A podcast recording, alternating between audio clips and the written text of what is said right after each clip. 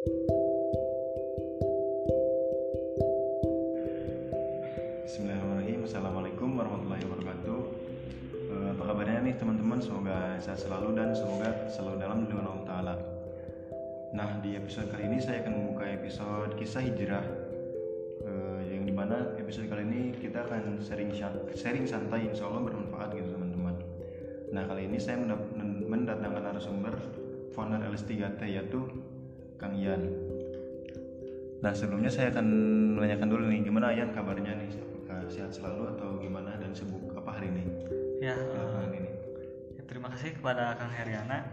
Untuk kabar saya alhamdulillah ya sehat gitu ya meskipun saat ini sedang booming boomingnya corona di luar sana tapi alhamdulillah saya emang masih negatif gitu ya alhamdulillah. masih negatif corona masih ya. negatif. Dan, dan juga kalau misalnya untuk kegiatan gitu ya saya ini sedang mencari pekerjaan gitu karena terakhir di Karawang sudah beres dan sekarang sedang mencari pekerjaan di daerah Bandung.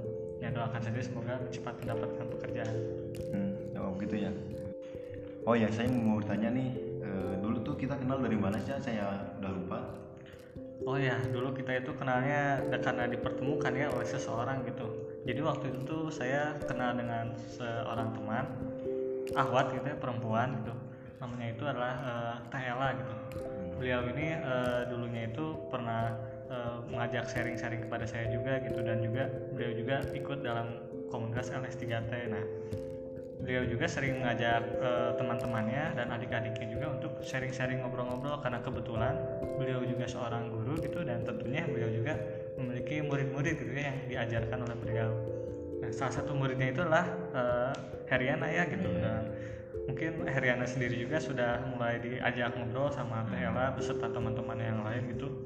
Ngobrol sharing-sharing ngopi gitu ya ngobrol perkara iman dan lain sebagainya. Sehingga lama kelamaan dipertemukan gitu Tayala mempertemukan Heriana dengan saya gitu ya. Karena apa? Karena kan nggak mungkin ya kalau misalnya terus-terus ngobrol sama Ahwat gitu ya kan Iya, bisa menimbulkan sesuatu yang tidak Hmm. tidak baik gitu. Maka disambungkanlah kepada saya gitu untuk terus melanjutkan sharing-sharingnya atau ngobrol perkara imannya gitu. Sampai alhamdulillah ya sampai saat ini gitu.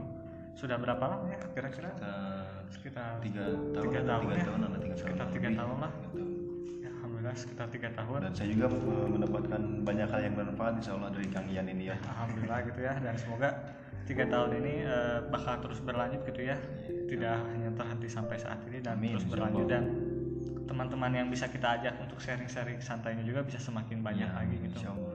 seperti itu Nah, Ian, boleh dong saya eh, sedikit tahu gitu kan judulnya kisah hijrah. Nah, boleh dong saya tahu eh, sedikit kisah hijrah tentang Ian ini. Boleh diceritakan? Mangga. Buat kisah hijrah saya sebenarnya tidak begitu spektakuler ya tapi ya alhamdulillah ada gitu kisah hijrahnya. Jadi pada dasarnya setiap orang juga kan sering melakukan kesalahannya dan saya juga termasuk orang yang sering melakukan kesalahan gitu dahulunya.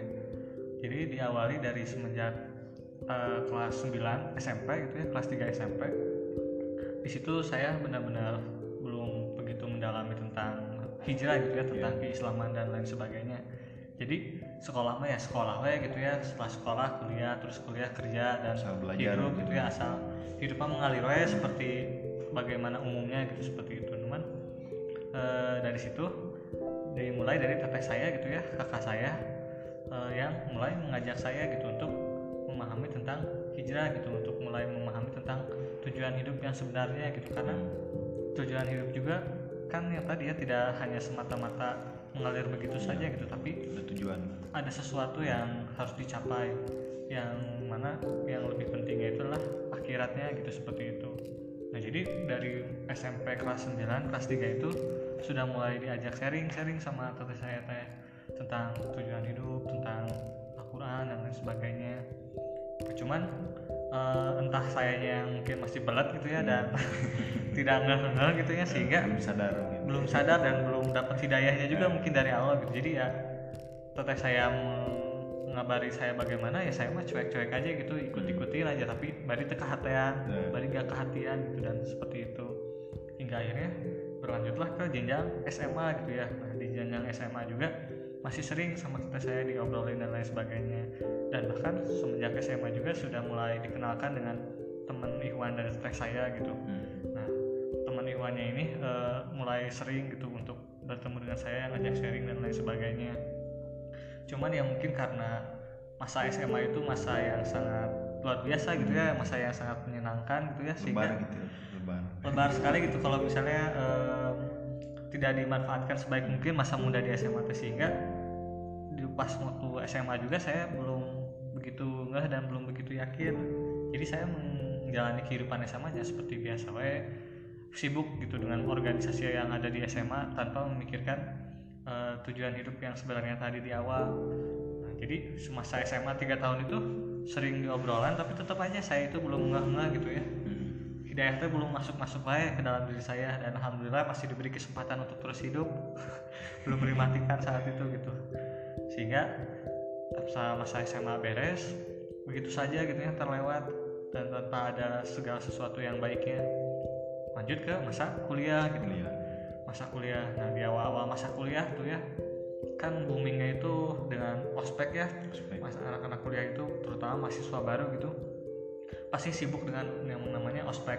Baik dari ospek di kampusnya maupun ospek di jurusannya gitu. Dan terutama kebetulan jurusan yang saya ikuti itulah jurusan yang terkenal dengan sangat keras gitu ya yang sangat jurusan apa brutal. kalau boleh tahu? Kuliah di mana dan jurusan apa? Jadi waktu itu tuh saya kuliahnya di Polman Bandung ya Politeknik Manufaktur Oh, iya. Bandung gitu. Dan jurusan yang saya ambil saat itu adalah jurusan teknik pengecoran logam gitu. Nah jurusan teknik pengecoran logam ini salah satu jurusan yang sangat keras gitu ya. Karena pekerjaannya juga ngecor logam gitu sangat keras harus benar-benar kuat fisik mentalnya juga sehingga juga keras berarti ya. sangat keras sekali waktu itu.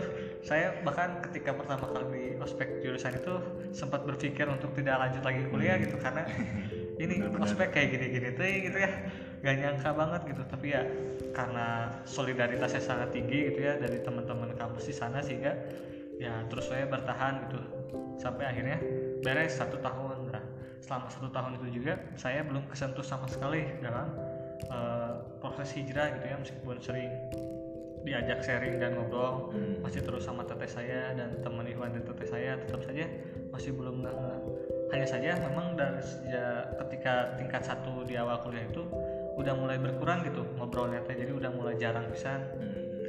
nah cuman setelah naik ke tingkat dua nah, di situ baru mulai dikenalkan lagi dengan ahwat yang baru ya teman teteh saya yang baru.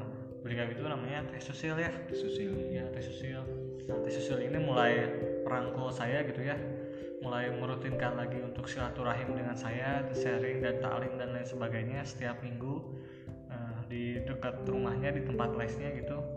Dengan eh, teman-teman yang lain ikhwan-ikhwan yang lain. Dan kebetulan ikhwan-ikhwan yang lain saat itu tuh masih di bangku SMA gitu. Jadi saya sendiri yang masih kuliahan gitu saat itu teh ya terus dengan kelompok kecil gitu teh kita masih terus ngobrol sharing rutin di tingkat dua itu selama satu tahun penuh tentunya. Dan alhamdulillah ketika diajak ngobrolnya sama Teh Susil mah mungkin sayanya juga udah mulai ngeh gitu ya udah mulai rada oh benar gitunya kudu berubah gitu orang teh kudu lamun te orang bukan kita yang berubah saat ini siapa lagi gitu sehingga mulailah terketuk hati saya untuk berubah untuk mulai benar-benar memikirkan makna dari tujuan hidup yang sebenarnya gitu seperti itu nah sehingga satu tahun di tingkat kedua itu eh, sudah mulai berubah lah nah, langsung dilanjut lagi ke tingkat tiga gitu dan tingkat tiga itu adalah masa adanya magang gitu ya atau PKL gitu. Hmm.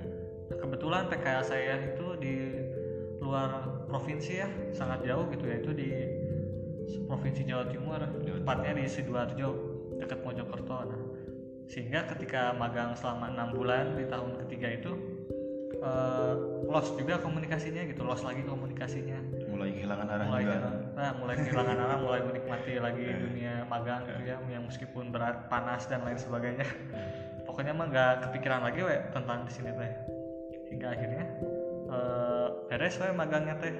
Nah magangnya beres mulai dirangkul lagi. Hmm.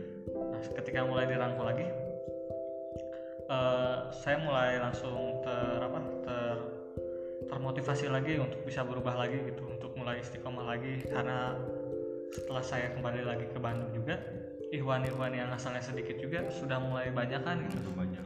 Sudah mulai bertambah banyak sehingga harus mulai-mulai diseriusin lagi gitu tentang sharing dan talimnya ini. Nah, ketika mulai serius lagi sharing dan talimnya eh, tepat di tahun itu juga di tahun ketiga di tahun depannya ya. Hmm. di akhir bulan itu eh, ada musibah gitu. Musibah yang sangat memukul gitu ya untuk diri saya sendiri gitu ya. Yaitu di mana eh, meninggalnya orang tua saya gitu yaitu ibu saya sendiri gitu. Nah mulai dari situ eh, saya benar-benar kepukul dan juga benar-benar berpikir kalau misalnya seorang eh, yang mendapatkan amal jariahnya itu terus mengalir itu kan salah satunya itu adalah doa anak yang soleh gitu ya. Sedangkan saya merasa bahwa diri saya sendiri belum menjadi salah satu anak yang soleh gitu. Masih banyak sekali kekurangannya sehingga sepeninggalannya ibu saya itu saya benar-benar berubah 100% gitu. Benar-benar fokus benar-benar kepada akhirat gitu. Tidak begitu apa tidak begitu tertarik lagi dengan urusan dunia. Jadi intinya mah urusan akhirat itu yang dinomor satukan Itu paling, seperti itu. paling depan ya. Paling depan itu sehingga fokus lagi untuk ngajak lagi ikhwan-ikhwan yang lainnya untuk sharing untuk membina ikhwan-ikhwan yang lainnya. Dan alhamdulillah sampai saat ini juga masih tetap istiqomah gitu masih tetap di diberikan jalannya untuk senantiasa berada pada jalan yang benar gitu. Ya mungkin segitu ya. Jadi memang rada panjang gitu ya Nah, prosesnya iya, gitu tapi ya Allah mah memang memberikan jalannya seperti itu Iya. ya. Kita harus mensyukuri gitu ya jangan disesali apa yang sudah terjadi tapi syukuri dan terus memperbaiki diri seperti itu. Masya Allah ya begitu panjang perjalanannya jatuh bangun Panjang sekali. cobaannya sampai sekarang bisa ya Insya Allah lah eh, udah imannya udah udah Insya Allah kuat lah tinggal Ya, dikuatkan lagi Insya Allah.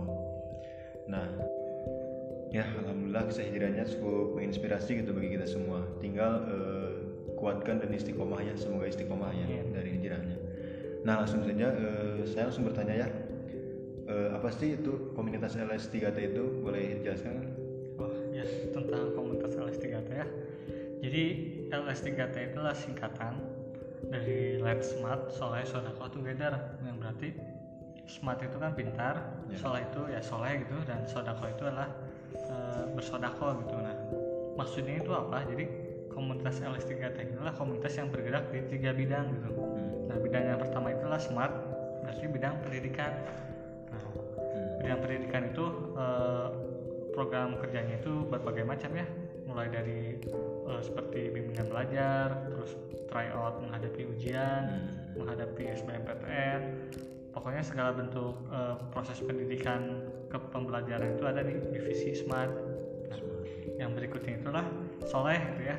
Nah, soleh ini kan berarti tentang keagamaan gitu ya. Tentang apa kehati hatinya gitu uluhiyahnya itu gitu. Jadi membahas tentang keimanan seseorang tersebut keimanan banyak orang tersebut juga. Nah untuk program-programnya sendiri dari divisi soleh itu eh, lebih banyaknya seperti kajian-kajian gitu. Baik kajian di dalam ruangan maupun kajian di luar ruangan gitu ya.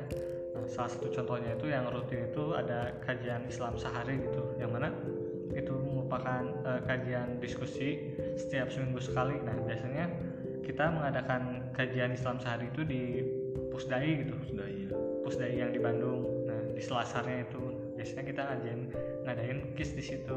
Nah, ada juga kajian yang besar gitu. Nah, kajian yang besar ini eh, sesuai dengan momen-momen yang terjadi gitu. Seperti bulan kemarin ya, momen tentang Valentine gitu ya Februari. Nah, ada kajian tentang Valentine. Nah, sebelum-sebelumnya tentang tahun baru ada gitu, tentang tahun baru dan banyak itu kajian yang sesuai dengan momen-momennya. Dan juga ada eh, program rihla gitu ya program rihla itu tadabur alam gitu. Jadi seperti jalan-jalan lagi ke alam tafakuri alam. ya, ke gunung ke gunung atau ke tempat eh, wisata alam dan lain sebagainya itu program rihla juga ada. Nah terus yang terakhir itulah sodako gitu ya. Sodako itu kan berarti memberi gitu. Nah, berarti di sini itulah program sosial kita program sosial yang terlibat langsung ke masyarakat dalam artian sosialisasi program sosial seperti sumbangan. Kalau program-program yang sudah kita jalankan di antaranya ada seperti tebar buku ya untuk anak-anak yang mau masuk sekolah gitu. Dan juga ada tebar sahur tebar buka untuk yang di bulan Ramadannya. Dan tebar karena sekarang lagi corona gitu pernah juga kita ngadain tebar bingkisan bantuan untuk yang sembako. eh, sembako dan lain sebagainya. Itu program sosial kita. Jadi LS3 tuh LS3T itu teh hanya terdiri dari tiga bagian itu saja kegiatan dan juga program-programnya itu mungkin ya banyak LS3T. banyak kegiatannya ya banyak sebenarnya kegiatannya cuman mencakup tiga hal itu saja gitu seperti itu Nah, kalau boleh tahu eh, gimana sih Kang sejarah berdirinya LS3T dan siapa sih foundernya? Dan sekarang kan Ayan nih ketuanya. Nah, bagaimana gimana juga nih Ayan bisa jadi ketuanya sampai sekarang? Hmm. untuk sejarahnya sendirinya dari LS3T itu jadi LS3T itu mulai berdiri tahun 2013 kalau saya tidak salah gitu dan Hmm.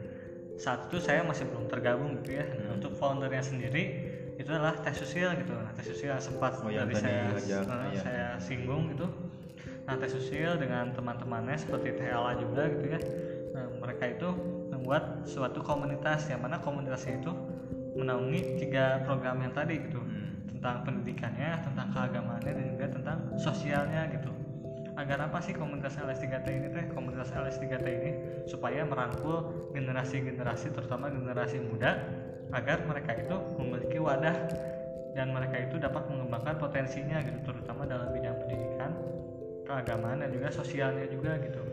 Nah, dari situ eh, dari tahun 2013 itu didirikan oleh tes sosial dan TLA dan kawan-kawan. Nah, waktu itu programnya itu masih sangat sedikit ya masih belum berkembang seperti saat ini gitu masih terpaku kepada kajian online dan juga bimbingan belajar dan juga eh, bakti sosialnya juga masih belum banyak gitu pada saat itu. Nah berlanjut berlanjut langsung pada saat tahun 2015 tahun 2016 tahun 2016 nah tahun 2016 mulai ketika tahun itu kan saya mulai aktif lagi ya di tingkat kedua sudah mulai dipertemukan juga dengan tes sosial nah saat itu ketika dipertemukan dengan tes sosial sosial juga mengenalkan tentang komunitas LS3T kepada saya gitu dan menjadikan komunitas LS3T ini sebagai sarana agar bisa merangkul pemuda-pemuda atau generasi-generasi saat ini supaya berada pada jalan yang benar gitu Hmm. tidak berada pada jalan yang salah gitu sehingga setelah diajak dengan tes sosial hmm, bergabung dengan komunitas LS3T di tahun yang saat itu juga langsung saya ditunjuk sebagai ketuanya gitu. Karena apa? Karena ketua yang sebelumnya itu adalah Teh Yola gitu ya. Sebelum saya itu ketua yang pertama kali itu Teh Yola. Nah, Teh Yola itu sudah sangat sepuh gitu. Bukan sepuh juga sih jadi sudah bukan pemuda lagi lah istilah nama gitu. Jadi beliau sudah bekerja dan sudah mulai mau berkeluarga juga sehingga harus diserahkan kepada yang lebih muda dan juga kepada Ikhwan gitu ya. Dan saat itu kandidatnya itu hanya ada saya sendiri gitu ya kebetulan yang eh, bisa gitu untuk megangnya dan diamanahkan lah sebagai ketua LS3T pada tahun 2016 dan sampai saat ini saya masih tetap menjadi ketua LS3T gitu karena eh, komunitas ini tidak tidak terikat dengan kontrak waktu gitu ya. Jadi terus saja gitu sampai benar-benar berkembang. Dan kalau misalnya ketuanya masih tetap sanggup ya Jalanin aja. jalanin aja gitu terus sampai dan juga kan insya Allah bermanfaat gitu ya kegiatan di komunitas LS3T ini jadi bisa menjadi ladang amal soleh juga gitu bagi saya dan bagi teman-teman yang ikut dalam komunitas LS3T tersebut gitu. Dan untuk pesertanya sendiri juga LS3T itu eh, cukup banyak ya tapi lebih kepada segmen dari pelajar dan mahasiswa gitu. Cuman umum juga ada gitu cuman Kebanyakan kebanyakannya itu pelajar dan mahasiswa gitu pesertanya dan juga anggotanya juga seperti itu itu mungkin untuk sejarahnya mah dan juga bagaimana saya bisa masuk dalam LS3T tersebut Oh ini nih, kalau bagi teman-teman yang mendengarkan, kalau mau tahu kegiatan LS3T ini di mana Kang? Kalau boleh tahu. Nah, buat teman-teman yang penasaran ya dengan LS3T dan mungkin belum tahu apa itu LS3T bisa dilihat di Instagram kami gitu. Instagram nama Instagramnya itu LS3T underscore community gitu. Di situ ada dokumentasi-dokumentasi kegiatan dari LS3T dan juga ada eh, pamflet-pamflet mengenai kegiatan-kegiatan yang sedang berlangsung dan sedang terjadi. Nah untuk kegiatan LS3T saat ini juga ya yang sekarang sedang berlangsung gitu di bulan Ramadan sedang ada diadakan pesantren pesantren online. Iya, iya. Nah, cuman pesantren online ini khusus untuk ahwat saja gitu. Jadi Hmm. sudah berlangsung seminggu kemarin pesantren online. Kang atau pelajar aja umum? Pelajar umum, pelajar umum dan mahasiswa cuman Hmm. dan dari data peserta yang ada juga kebanyakan pelajar dan mahasiswa gitu yang ikutnya dan lumayan banyak juga begitu pesertanya yang ikut pesantren online saat ini bahkan ada dari yang sangat jauh gitu dari Palembang juga ada gitu karena online gitu ya jadi mungkin bisa Eh, bisa gitu. ikutan. jadi buat teman-teman yang ingin tahu bagaimana kegiatan LS3T bisa dilihat di Instagram kami gitu Insya Allah di situ bakal dipaparkan mengenai kegiatan-kegiatan yang akan berlangsung dan kegiatan-kegiatan yang sudah terjadi seperti itu. Ya, boleh di follow juga mungkin Instagram. Ya betul, jangan lupa jangan cuma dilihat aja Iya, ya, tapi bisa harus bisa di follow juga gitu, biar kalau ada info apa-apa bisa langsung masuk ke notifikasi teman-teman gitu, tidak Betul. terlewat begitu saja. Ya betul betul betul. ya mungkin eh, dari Kang Ian nih bolehlah kasih sedikit sekata dua kata untuk para pendengar supaya lebih semangat lagi lah untuk hijrahnya mungkin. Yang sedang hijrah. boleh ya. Mungkin dari saya untuk teman-teman sekalian yang sedang dalam proses berhijrah baik yang belum ataupun yang sudah tetap semangat dalam proses berhijrah. Yang paling penting dalam proses berhijrah itu dua gitu ya. Yang pertama itu adalah niatnya gitu. Niat teman-teman dalam berhijrah itu harus lurus karena akan sangat lebar gitu. Kalau misalnya teman-teman niatnya itu karena ada seseorang gitu karena ada manusia yang di dalamnya gitu. Misalnya karena ahwat gitu atau misalnya karena kakak kelas atau dan lain sebagainya itu jangan sampai ada manusia dalam tujuan kalian untuk berhijrah. Dan yang terakhir harus tetap sabar ya dalam berhijrah gitu ya. Pasti setiap orang yang berhijrah itu akan didatangkan dengan cobaan-cobaan gitu ya. Pastinya. dengan bagaimanapun cobaannya cobaan di keluarganya cobaan di tempat sekolahnya di tempat kuliah di tempat kerjanya pasti ada wae cobaan untuk orang-orang yang berhijrah gitu. Maka dari itu luruskan niat dan tetap sabar dalam proses hijrahnya teman-teman. Insya Allah buah dari proses hijrah tersebut akan teman-teman dapatkan. Amin. Amin amin. Amin insya Allah. so, semangat. Nah, alhamdulillah ya eh, kisah hijrahnya begitu memotivasi dan juga semoga bisa menginspirasi gitu buat teman-teman yang mendengarkan. amin. Dan juga nih terima kasih buat Kang Ian sudah meluangkan waktunya untuk bisa ngobrol santai lah dengan saya dan oh juga- ya sama-sama gitu ya ya semoga bisa menginspirasi banyak lah buat teman-teman. mungkin lain kali malam hari ya biar bisa sambil ngopi Wah bener itu. Karena ini lagi bulan puasa sih soalnya gak enak. ya nggak apa-apa Santai ya kalau gak ada kopi ya biasanya. betul sekali Ya terima kasih juga buat teman-teman semoga bisa bisa mengambil pelajaran tuh dari kisah tadi semoga bisa hijrah juga teman-temannya Hmm. mungkin diakhiri saja eh, pada pembicaraan kali ini. Ya terima kasih. Semangat teman-teman. Assalamualaikum warahmatullahi wabarakatuh. Waalaikumsalam warahmatullahi